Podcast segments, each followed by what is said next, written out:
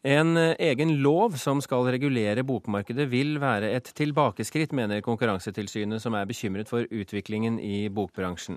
I dag kunngjorde kulturminister Hadia Tajik at hun vil legge frem forslag til en boklov før sommeren. En merkedag, sier forlagene. Velkommen. Eh, det jeg skal offentliggjøre, er at eh, det blir en boklov. Vi setter i gang arbeidet.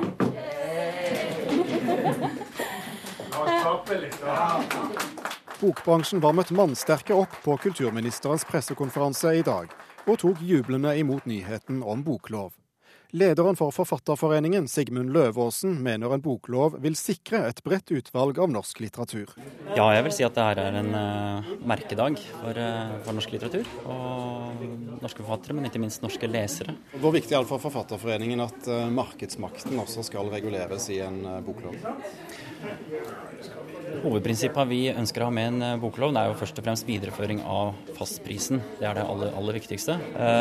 Og så er det så klart også sånn at det vil tjene mangfoldet med en eh, viss regulering av eh, rabattnivået. Dette blir jo et eh, lovlig kartell. Kartellet direktøren i Konkurransetilsynet Kristine Meyer snakker om, består i hovedsak av landets tre største forlag, Gyldendal, Cappelen Dam og Aschehoug.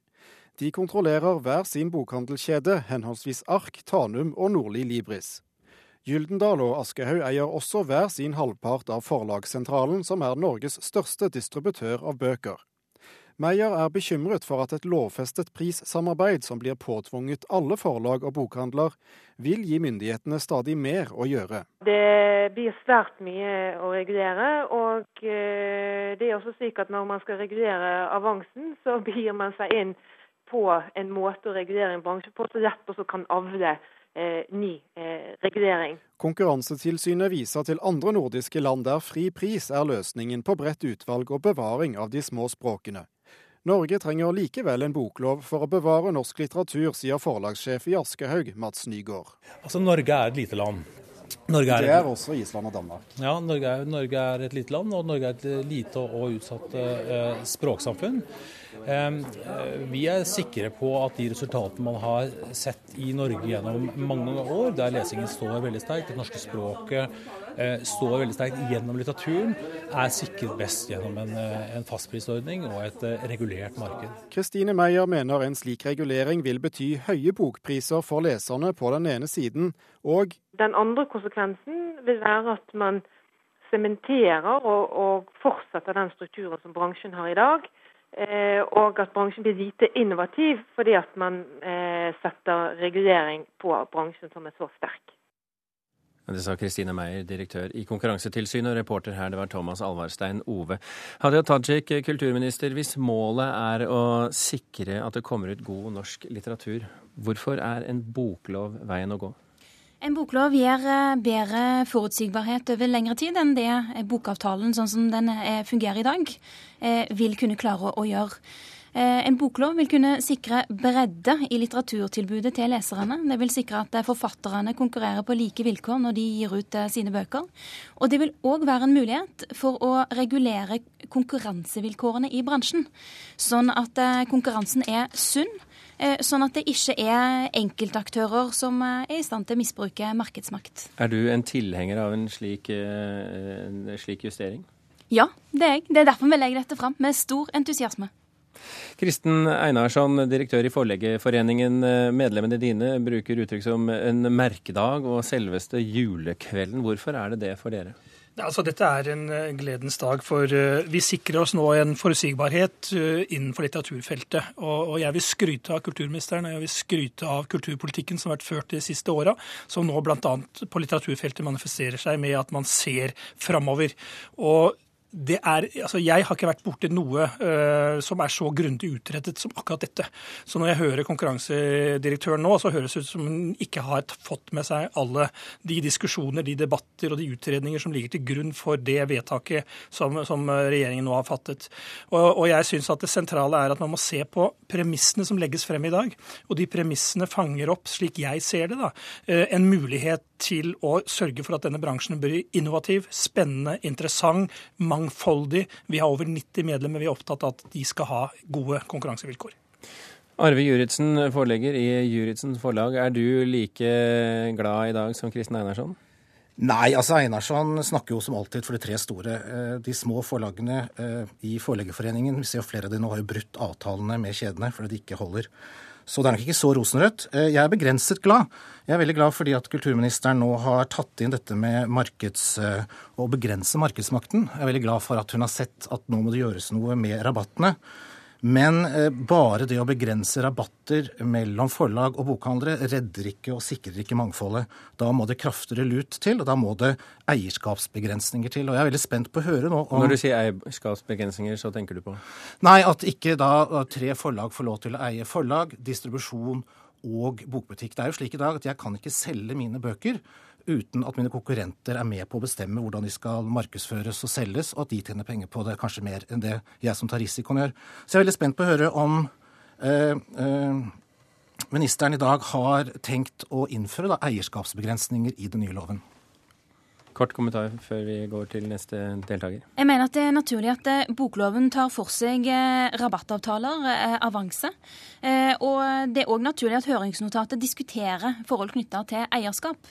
Når det er sagt, så har vi, altså vi har flere utredninger, men en av de fra Oslo Economics gir i hvert fall grunnlag for å vurdere det dit hen. For det de sier i Oslo Economics sin utredning, er at landskapet ikke er, gir grunnlag for uro når det handler om eierskap. Men, eh, men, det er klart at eh, dette er en av de tingene som man må diskutere i et høringsnotat før man konkluderer endelig på det. Kort kommentar til altså, Einarsson altså, først. Juristen må, må, ikke si det han sier. Altså, Jeg har et styre ja, som består av Det kan han si. Ja, eh, ja om, om, om ja, For lov av meg, i hvert fall. Ja, hvem jeg representerer. Han kan ikke si sånn. Vi har et styre på ti personer. Syv av de ti personene driver små forlag og det er styret som fatter vedtak i Forleggerforeningen. Styret har i høringsuttalelsen sagt at man ønsker marginbegrensning. Vi har vært veldig tydelige på det. Og vi har også i høringsuttalelsen sagt at om man ønsker å innføre eierskapsbegrensning av typen man har ellers på mediefeltet, så er det også i orden for vår del. Forleggerforeningen og Bokhandlerforeningen eh, styres av de samme personene. Det er som om eh, Røkke, Tine og Statoil skulle drive LO og NHO. Men det som er raskt tilbake, er å si at disse utredningene dessverre nok ikke tar opp i seg det utvida landskapet som kulturministeren snakker om. Eh, det er en grunn til at disse forlagene har brukt millioner, millioner, millioner kroner på å kontrollere sisteleddet. Det er jo ikke for å være hyggelig, det er jo for at de vil noe med den makten. Så her håper jeg ministeren ikke er naiv, men at hun spør og kanskje graver litt utenfor de utredningene som jeg syns kanskje har et litt begrensa eh, grunnlag. Ivar Tronsmo, forlegger. Hva syns du om forslaget om å lage en ny boklov? Ja, jeg syns det er tragisk. Det er som alle her sier, det er en videreføring av det vi har hatt uh, så lenge jeg har holdt på. Jeg starta Tronsmo bokhallen 1973. Så fast, da vi, siden da har vi hatt fastpris og bokavtale, men som en forskrift, og nå blir det en lov. Og det er en lov som sementerer forholdene slik de er i dag. Jeg er ikke glad i de forholdene som eksisterer i bokbransjen i dag. Hvorfor ikke? Nei, Som det allerede har vært inne på her, så er det en maktkonsentrasjon uten like. Det er noen få aktører som har bukta og begge endene. Det jeg syns er ekstra ille, er at dette kommer når e-boka kommer, og jeg tror ikke det er tilfeldig.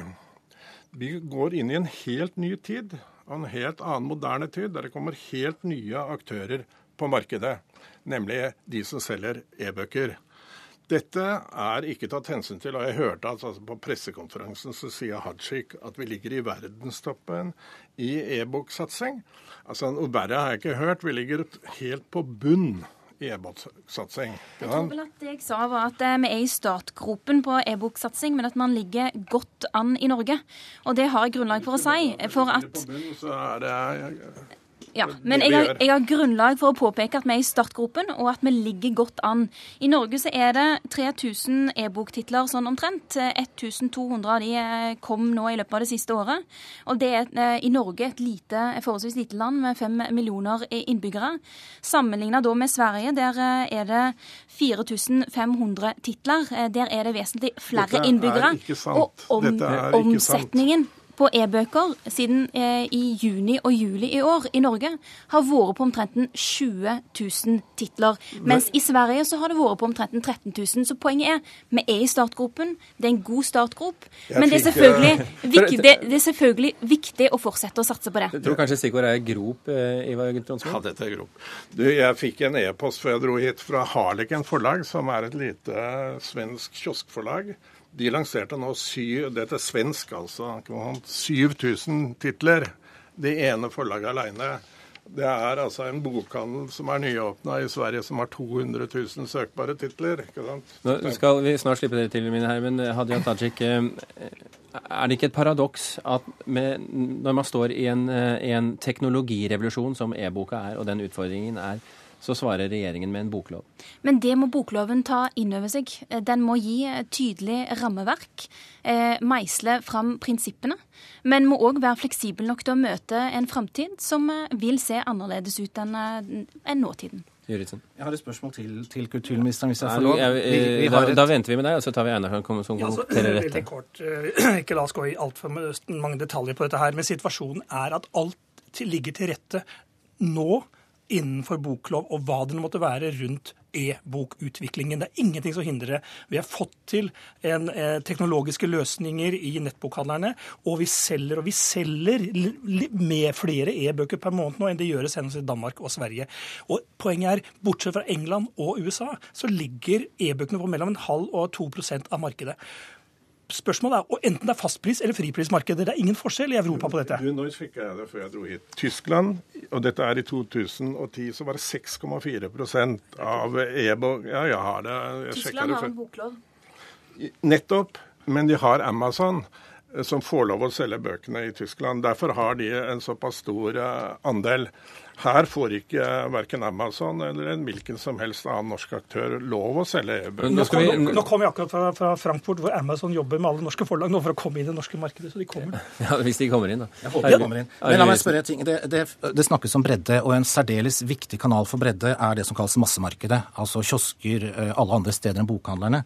Der vet vi at vi treffer andre lesere enn det vi gjør i bokhandleren. Vi treffer flere menn, vi treffer yngre lesere. Denne kanalen eh, distribueres kun av Bladsentralen. Det er det eneste som får til dette. Det er en lukket distribusjon, hvor Gyllendal Aschehoug nettopp betalte 40 millioner for å kjøpe seg inn, og de nekter altså å distribuere bøker fra andre enn eierforlagene. Og Da lurer jeg på om kulturministeren vil sørge for at den distribusjonen, den bredden, blir åpnet for alle? Du, Den problemstillingen har jeg ikke vurdert. Men det som er situasjonen i Norge i dag, det er at vi har eh, heldigvis i landet vårt eh, oppimot en 600 bokhandlere over hele landet. Det gir oss en god mulighet til å nå bredt ut til det brede laget av publikum.